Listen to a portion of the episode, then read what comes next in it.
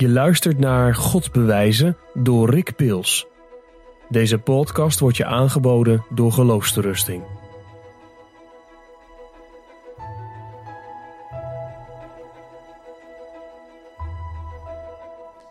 Ik ga iets vertellen over dit boek uh, met de titel God bewijzen. Dat ik geschreven heb met uh, mijn collega Stefan Paas. Uh, God bewijzen heet het boek en de ondertitel is Argumenten voor en tegen geloven. Dit boek um, heeft een kleine ontstaansgeschiedenis. Dus in 2012, begin 2012, um, was er een Rotary Club in Amsterdam. En die wilde een debatje organiseren tussen uh, een atheïst aan de ene kant, iemand die gelooft dat er geen God is, en een gelovige aan de andere kant. En ze vonden mijn collega Stefan Paas en um, nodigden hem uit en ik ben met hem meegegaan. En toen hebben we een uh, mooie avond gehad, een, een, leuk debat over het bestaan van God. Maar er vielen ons ook een paar dingen op. Um, en wat ons opviel was dat van die mensen die daar zaten, een beetje mensen van de jaar of dertig, uh, mannen en vrouwen die ja, een beetje aan het begin van hun carrière stonden, dat die eigenlijk allerlei ideeën en uh, vooronderstellingen over God hadden, uh, waar een hoop vraagtekens bij te plaatsen zijn. dus ze geloven bijvoorbeeld dat mensen in God geloven omdat ze in de hemel willen komen. Of ze vroegen zich af, ja, je hebt toch God niet nodig om een goed mens te zijn? Um, of een vraag die we ook al hoorden was, is geloven niet al lang achterhaald door de wetenschap? Heel veel vragen, veel vooroordelen, veel ideeën. En waar ze eigenlijk niet zo goed antwoord op hadden.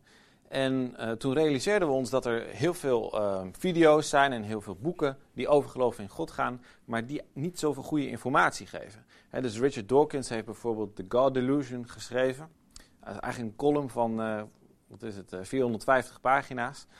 Um, ja, en dat is niet helemaal een soort informatie dat je nodig hebt om um, je hier een goed oordeel over te, te vormen. Dus besloten wij dit boek te schrijven en eigenlijk om mensen te, te, informeren, om ze te helpen een, ja, een, keuze te maken, om een standpunt in te nemen. Um, in het boek geven we argumenten, hè, zoals de ondertitel zegt, argumenten voor en tegen geloven. Je kunt je afvragen, ja, hoe belangrijk zijn argumenten eigenlijk?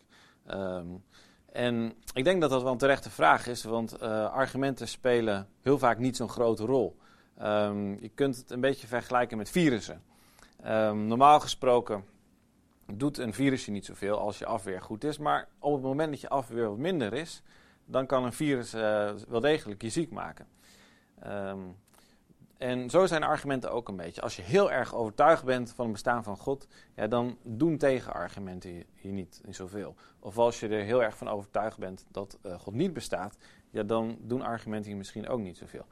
Maar als je ertussenin zit en je denkt, nou, nou misschien wel, misschien niet, ik, ik weet het niet. Um, dan ben je wel gevoelig voor argumenten.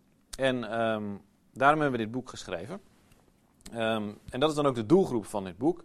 je zou kunnen zeggen dat er een schaal is van, laten we zeggen, uh, eh, 1 tot 7. En dat op uh, plek 1 mensen staan die 100% zeker zijn van het bestaan van God. Heel erg overtuigd. Ze, twijfelen eigenlijk bijna nooit. En aan de andere kant atheïsten die ervan overtuigd zijn dat er geen God is. Ze weten het zeker, ze twijfelen er nooit aan. Maar dat de meeste mensen, ja, die zitten daar eigenlijk tussenin. Zeg maar schaal 3 tot 5. Uh, eh, die zeggen, nou, uh, misschien wel, misschien niet, ik, ik weet het niet. Um, en dat waren ook die mensen op die Rotary Club. ik denk dat ik mezelf ergens ja, op schaal 2 zou plaatsen, 3. Er zijn ook momenten dat ik twijfel, dan zit ik meer richting 4 of 5. Um, dus, dus dat varieert ook nogal wat. Maar ik zit uh, meestal aan de, aan de kant van de richting, richting de 1, maar niet op de 1. Dus ik heb ook twijfels en vragen. Um, maar ik, ben, uh, ik, ik geloof toch dat God bestaat. Um, het doel van het boek is daarom het gesprek aan te gaan en een aantal vanzelfsprekendheden en vooroordelen die er zijn om die te ontmaskeren. Eigenlijk om een beter gesprek mogelijk te maken tussen mensen die uh, in God geloven uh, die niet in God geloven, mensen die zeggen: Ik weet het niet. Om ze informatie te geven om een mooi gesprek met elkaar te hebben. En eigenlijk tot de kern te komen. Um, het boek heeft vijf stappen. Uh, die wil ik nog kort uiteenzetten. In het eerste hoofdstuk kijken we naar het beeld van God, dat er, uh, van geloof in God, dat er in Nederland is. Het imago, om het zo maar even te noemen. In het tweede hoofdstuk kijken we naar argumenten tegen geloven in God.